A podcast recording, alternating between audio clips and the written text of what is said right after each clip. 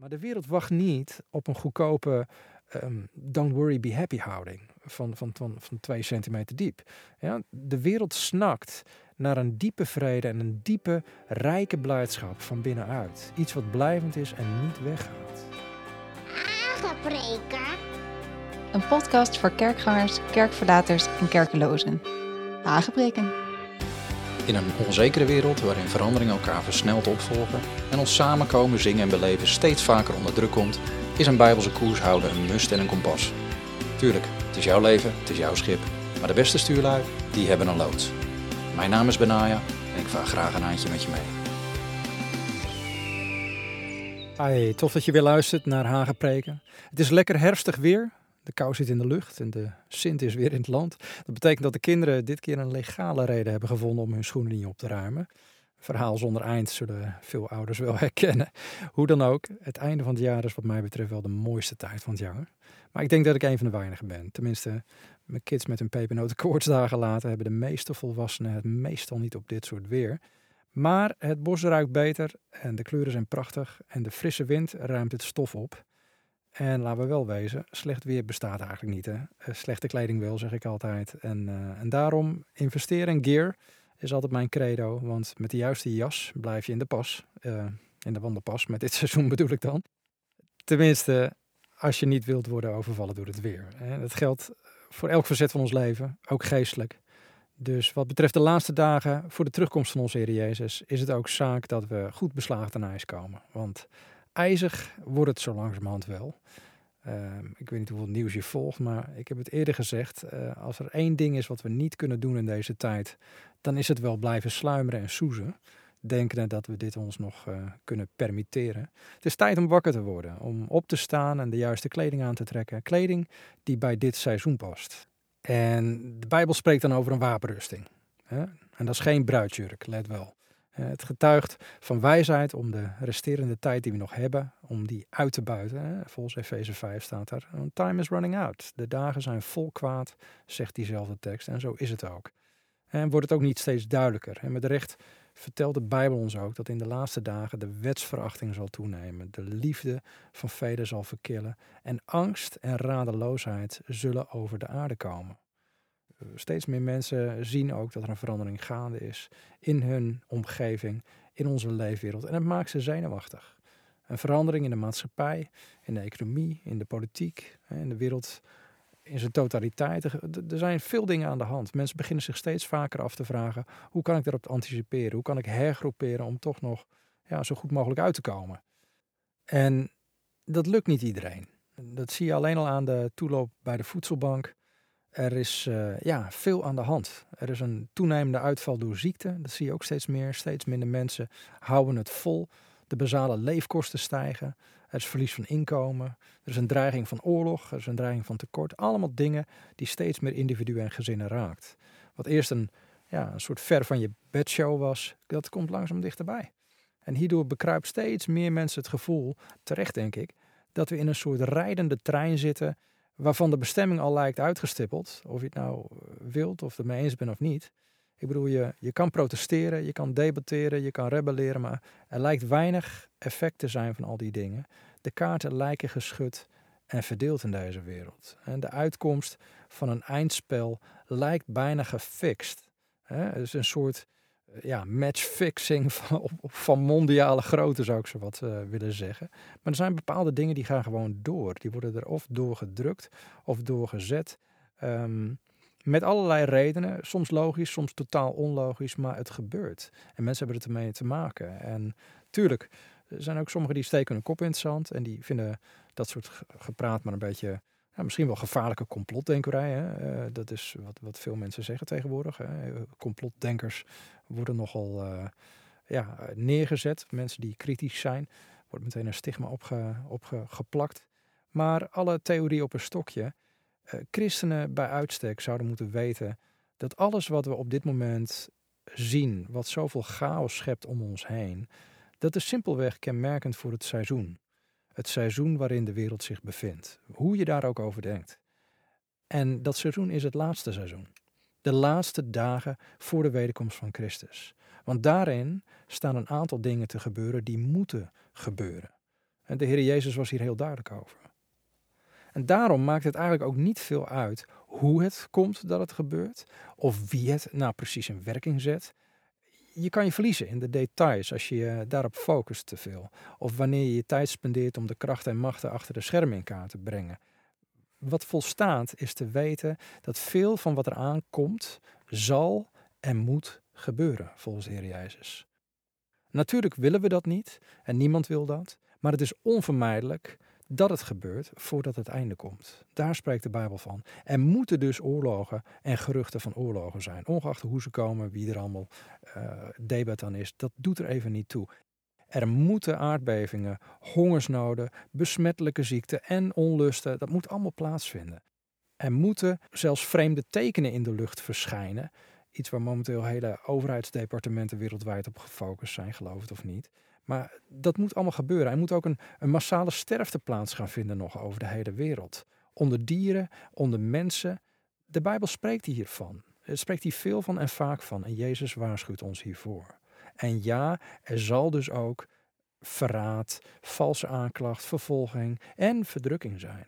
Dat komt allemaal. Heel veel mensen hebben het over de grote verdrukking. Dan, dan, eh, of je daar nou wel of niet deel van bent. Er is al verdrukking.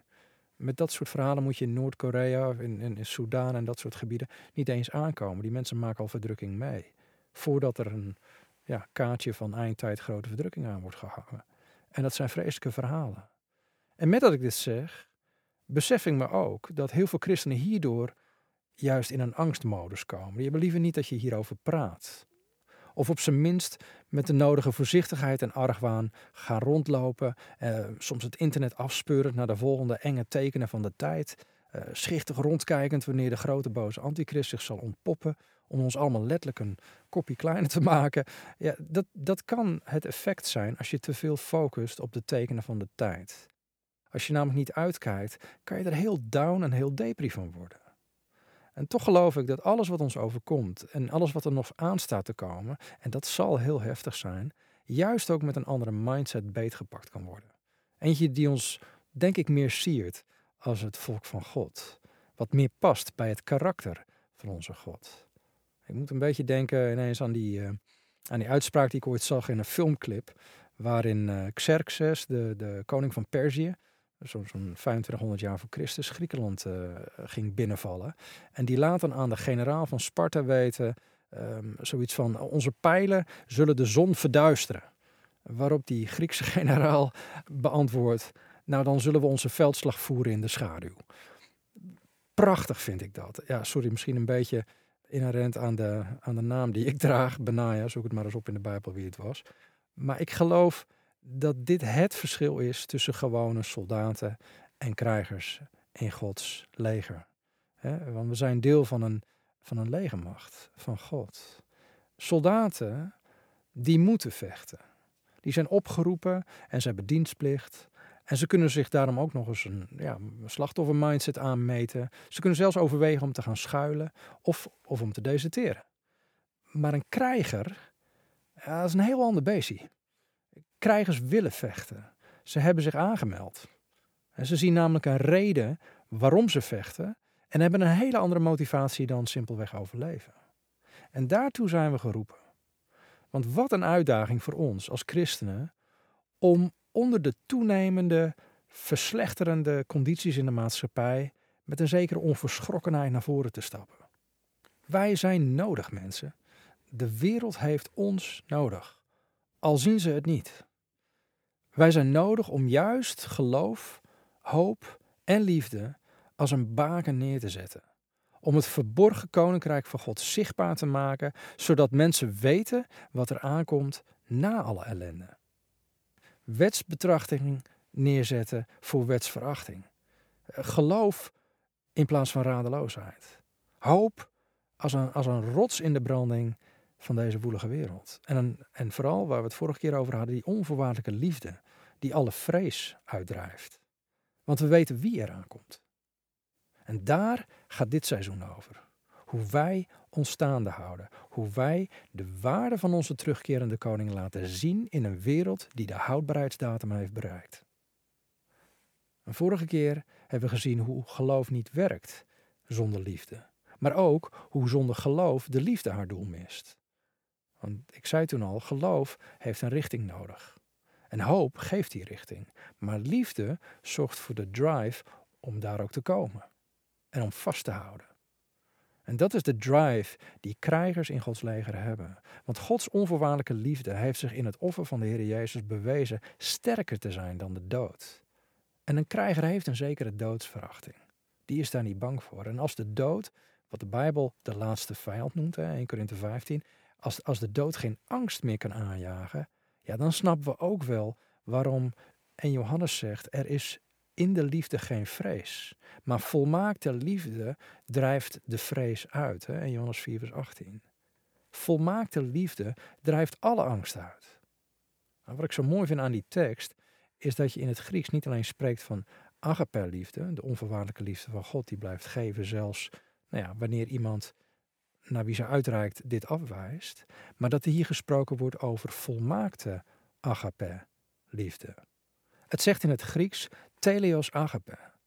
En het woordje teleos komt van telos, wat doel betekent, of iets wat is afgerond. Iets wat is volbracht en nu compleet is en volledig, zonder dat er nog iets extra's nodig is. En dat is bijzonder, omdat ook de Heer Jezus aan het kruis deze woorden sprak. Het is volbracht. In het Grieks is dat ook vertaald met het woordje teleo, afgeleid van hetzelfde woordje telos. Anders gezegd, de volmaakte liefde werd volbracht toen de Heer Jezus zichzelf gaf voor ons aan dat kruis. Dat is prachtig. En in die perfecte liefde, die volmaakte agape, zijn wij geborgen. Juist ook in het krachtenveld van de laatste dagen en midden in alle dingen die over de wereld beginnen te komen nu. Vandaar dat de Heer Jezus ons ook oproept om te blijven in zijn liefde. Johannes 15, vers 9. Dat is een prachtig stukje. Ik ga het even aan je voorlezen. Daar staat: Zoals de Vader mij heeft liefgehad, heb ik ook u lief gehad. Blijf in mijn liefde. Als u mijn geboden in acht neemt, zult u in mijn liefde blijven, zoals ik de geboden van mijn Vader in acht genomen heb en in zijn liefde blijf. Deze dingen heb ik tot u gesproken, opdat mijn blijdschap in u zal blijven en uw blijdschap volkomen zal worden. Dit is mijn gebod, dat u elkander lief hebt, zoals ik u heb liefgehad. Bekende tekst. Want niemand heeft een grotere liefde dan deze, namelijk dat iemand zijn leven geeft voor zijn vrienden. En u bent mijn vrienden, als u doet wat ik u gebied. Ja, en als je dat dan oppervlakkig leest, dat is een prachtige tekst, maar als je hem oppervlakkig leest, dan denk je, ja, lekker is dat. Hoe bedoel je onvoorwaardelijke liefde? Niks hoor. Er zijn wel degelijk voorwaarden. Je moet doen wat je wordt opgelegd. Anders laat je aan alles zien dat je niet in zijn liefde blijft. En ben je niet meer het vriendje van de Heer Jezus, toch? Maar zo'n conclusie kan je alleen trekken via het spelletje Bijbeltje prik, zeg ik dan altijd maar. Want deze tekst bouwt namelijk voort op iets wat de Heer Jezus al zei in het vorige hoofdstuk, in vers 23 en 24. Daar legt hij namelijk uit, als iemand mij lief heeft, zal hij mijn woorden in acht nemen. En mijn vader zal hem lief hebben.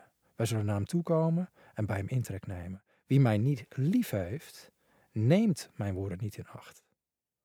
Nou is het zo dat we geneigd zijn, dat is heel menselijk, ik doe het zelf ook, ehm, om intonatie te leggen in bepaalde zinnen in de Bijbel. En soms moet je daar een beetje mee spelen om te kijken van, hé, hey, kan ik de intonatie eens een keer anders leggen? Wat, wat, wat staat er dan? En je kan het lezen alsof Jezus al een beetje pruilend aan het beschuldigen is. Zo van, als jij me lief hebt, nou dan ga je ook doen wat ik zeg. Maar de sleutel is liefhebben. Niet de geboden. Als iemand mij lief heeft, zal hij mijn woord in acht nemen. Zo kun je hem ook lezen. Zo van, dat is logisch. Natuurlijk hou je dan aan zijn woorden. Het is namelijk geen enkele moeite om geboden te houden als je drive liefde is. Even persoonlijk om het principe wat dichter bij huis te brengen. Trouwe luisteraars van Hagepreken weten inmiddels dat wij als gezin, nou ja, zo'n wat is het, drie jaar terug ongeveer, in een nogal woelig water terechtkwamen. Daar heb ik onlangs ook van uh, getuigd op Family 7. Uh, nu waren de jaren daarvoor al pittig. Getekend door nou ja, alle ingrediënten die een goede film eposieren, zou ik zo wat zeggen. Van verraad, verlies, tragedie, rampspoed, dat heb je allemaal. Maar kennelijk kon er nog wel uh, een schepje bovenop in de levensschool van Raken klappen. Um, want mijn vrouw kreeg een ongeluk. En het ongeluk wat mijn vrouw trof, hakte erin voor ons allemaal. En, en drukte vanaf dat moment een stempel op hoe wij als gezin functioneren en hoe wij kunnen overleven. En dat merken we allemaal. En in de eerste plaats natuurlijk Mirjam, mijn vrouw, maar ook de kinderen en ook ikzelf. En dat, dat is heftig, dat zal ik je niet onthouden. Dat is, dat is best flink heftig. En als je dan hulp probeert te halen via instanties en organisaties om de last van nou, bijvoorbeeld mantelzorg te verlichten, ja, dan merk je dat degenen die je bijstaan voornamelijk kijken naar de intensiviteit van de zorg die nodig is. En de druk en de stress die het met zich meebrengt bij degene die zich inzet. Uh, en als iemand dat ervaart, dan, ja, dan zeg ik soms wel eens, nou ja, welcome to my world. Weet je wel, dit is waar ik al drie jaar leef. Maar tegelijkertijd besef ik me ook heel goed waarom ik dit langer kan volhouden dan wie dan ook. Want Mirjam is mijn vrouw. Ze is mijn geliefde. En, en de kinderen, met al hun gebektheid en emotioneel uit de bocht vliegen, dat zijn wel mijn kids. Het zijn mijn lieve engeltjes met een hoofdletter B ervoor, zeg ik altijd. En, en dat maakt het draaglijk. Niet minder zwaar, ook niet makkelijker, maar wel dat ik kan blijven geven, blijven zorgen, blijven doorgaan. Niet als een opdracht, niet als gebod, maar omdat je onderstromers liefde. Uh, in al zijn facetten, snap je? En zo is het ook met Gods geboden. Want wat zijn geboden anders dan eigenlijk gewoon veiligheidsmaatregelen om te zorgen dat de harmonie in zijn schepping gewaarborgd blijft en iedereen tot bloei kan komen op een manier zoals hij het bedacht heeft. Het is simpelweg onmogelijk om je aan dit soort veiligheidsmaatregelen te houden als je ze gaat zien als moedjes. En al helemaal niet als je het ziet als een soort van test om te zien of je kan bewijzen dat je van hem houdt. Als je die tekst zo zou oppakken. En dit begon al in Ede, in de Hof van Ede. Toen de Nagash, het schupachtige wezen in de Hof, wat wij vertaald hebben met slang. Toen dat wezen twijfel wist te zaaien in de harten van de eerste mensen ten aanzien van het karakter en de motivatie van hun liefhebbende schepper. Ja, toen werd het gebod gelijk geïnterpreteerd als een moedje. En het gehoor moeten geven aan die instructie als een, als een roof. En de hele geschiedenis van het volk Israël, wat er later beschreven staat in de Bijbel, bleef dit een gevecht. Maar vooral ook omdat het volk voortdurend de focus had op de plicht om te gehoorzamen en de geboden te doen. Niet op God zelf. Het is niet dat dat niet gezegd is. Jozua die probeert dat op een gegeven moment ook nog een keer in, uh, in Deuteronomium 30. Dan lees je dat in vers 15. Zie, ik heb u heden het leven en het goede voorgehouden, maar ook de dood en het kwade. Want ik gebied u, daar heb je weer iemand die gebiedt, heden de Heere uw God lief te hebben. Alsof je liefde kan gebieden. Maar dat zegt hij. De Heer uw God lief te hebben, in zijn wegen te gaan en zijn geboden en zijn verordeningen en zijn bepalingen in acht te nemen. Dan zal uw leven en talrijk worden. En zal de Heere uw God u zegenen in het land waar u naartoe gaat om het in bezit te nemen. Maar als uw hart zich afkeert, en hieraan zie je dat het een hartzaak is, niet enkel een dingetje. En als u niet luistert en u zich laat verleiden om u voor andere goden neer te buigen en die te dienen, dan verkondig ik u heden dat u zeker zult omkomen. U zult uw dagen niet verlengen in het land waarvoor u de Jordaan oversteekt om er te komen en het in bezit te nemen. Ik roep u heden de hemel en de aarde tot getuigen tegen u. Het leven en de dood heb ik u voorgehouden, de zegen en de vloek. Kies dan het leven, opdat u leeft, u en uw nageslacht. En hoe gaat dat dan? Door de Heere, vers 20, door de Heere God lief te hebben. Zijn stem te gehoorzamen en u aan hem vast te houden. Want hij is uw leven en de verlenging van uw dagen. Om te blijven in het land dat de Heer uw vader Abraham, Isaac en Jacob gezworen heeft hun te geven. Prachtig stuk. God is ons leven. En wij blijven inleven niet door geboden te volgen, maar wat? Door de Heere lief te hebben. Niet ons te houden aan allerlei geboden, maar eerst Hem lief te hebben, door Zijn stem, zegt Jozua, te gehoorzamen. En, en, dat vraagt meer om een aantal regeltjes navolgen. Dat spreekt van relatie, betrokkenheid. En je aan hem vast te houden, zegt Jozua. Niet aan het feit dat je lid bent van een kerk, dat je beleidenis hebt gedaan of uh, gedoopt bent of voor het oog van de gemeenschap een goed christen bent, doordat je je aan de regeltjes houdt. Maar doordat je, doordat je hem aan hem vasthoudt. Boeiend. En waarom is dat belangrijk? Omdat we dus in die laatste dagen leven. En in die laatste dagen gaat het erom dat we aan Hem blijven vasthouden. Dat we leren leven door elk woord wat uit Zijn mond komt. Dat zullen we nodig hebben. Maar ook omdat mensen om ons heen, zoals ik al zei, radeloos en bang zullen worden vanwege de dingen die in toenemende mate over de wereld zullen komen. Want met angst ligt depressie op de loer. En depressie vereenzaamt mensen weer. En op een gegeven moment zit je dan in een neerwaartse denkspiraal waar niemand je uit kan halen. Maar hoe mooi is het dan dat de Heere God ons plaatst in deze heftige tijd? Want hij zei, volmaakte liefde drijft alle angst uit. Ja, en, en wij weten waar deze volmaakte liefde te vinden is. Ik lees hem nog één keer, Johannes 15, vers 10. Als, mij, als u mijn geboden in acht neemt, zult u in mijn liefde blijven, zoals ik de geboden van mijn vader in acht genomen heb en in zijn liefde blijf. En dan zegt hij, en er is nog een neveneffect, wat deze perfecte liefde van God ook doet. Namelijk vers 11, deze dingen heb ik tot u gesproken, opdat mijn blijdschap in u zal blijven en uw blijdschap volkomen zal worden. En dat is mooi. Juist in deze tijd, in een tijd dat mensen steeds neerslachtiger worden, het niet meer zien zitten, depressief en in angst, staan in één keer daar de mensen van God. Met een glimlach op hun gezicht, als een soort vreemde eend in de bijt, ja toch? Ik bedoel, het is, het is gewoon niet mogelijk om volkomen blijdschap te hebben en altijd overal met een sombere blik te verschijnen. Laten we wel wezen. Op een gegeven moment moeten mensen het wel aan je kunnen zien. Een neerslachtig christen, ja, je kunt van alles meemaken. Je bent niet altijd happy, maar op een gegeven moment moet er nog wel hoop te lezen zijn op je gezicht en een blijdschap in je ogen vanwege de diepe blijdschap die je met je meedraagt. De volkomen blijdschap van God. Het wandelen in volmaakte liefde is niet alleen het perfecte tegengif voor angst. Het zorgt er ook voor dat er een, een zekere verlichting komt in de duisternis, doordat de zwaarte van dit ja, toch wel ruige, rauwe leven op de een of andere merkwaardige, bovennatuurlijke manier een blij randje krijgt. Een echte blijdschap zet mensen aan het denken.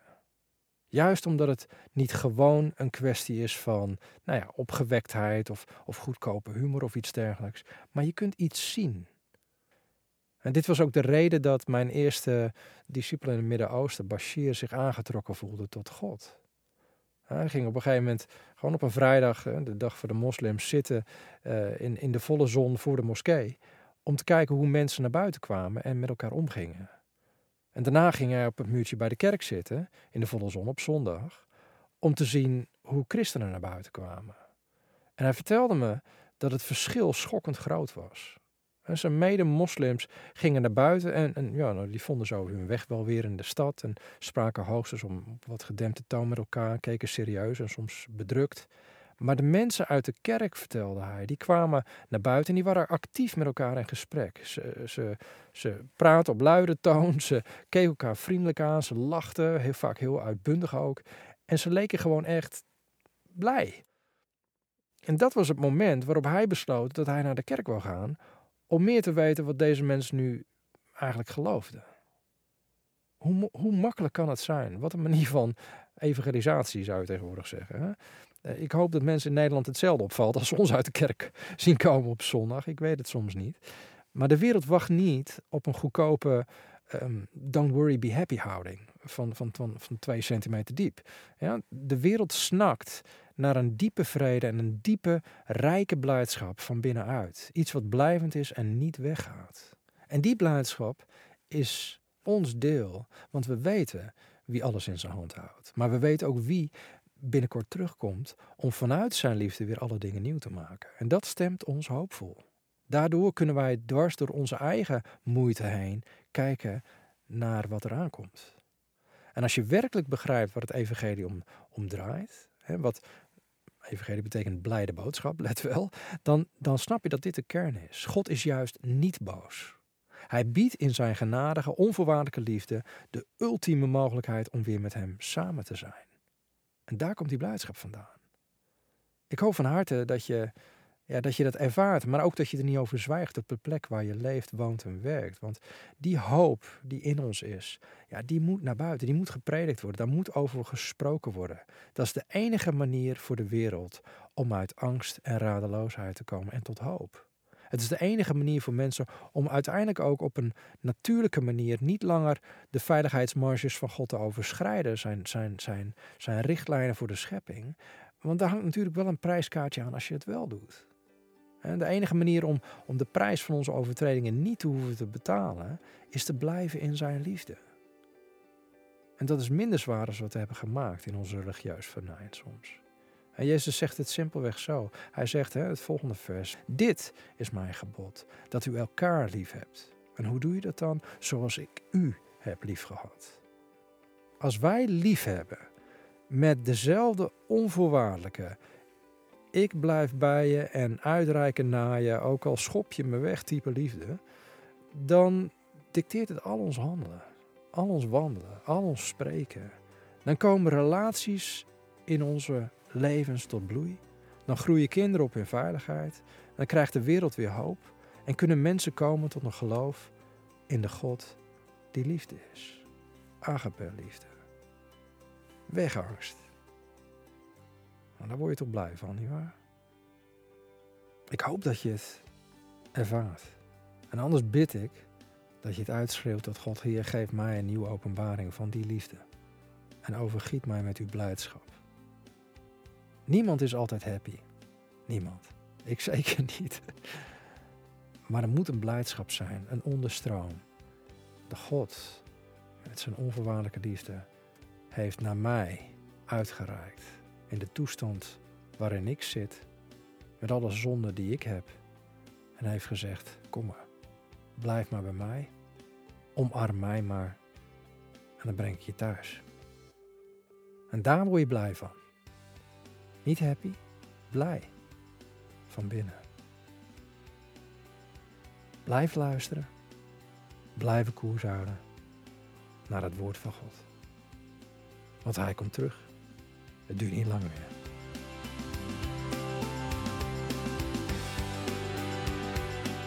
Heb je vragen, aanvullingen of opmerkingen?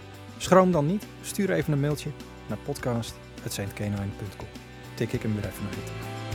Maar je kan me ook sponsoren via PayPal of Ideal op de website van saintcanine.com. Dat wordt echt bijzonder gewaardeerd. Dankjewel.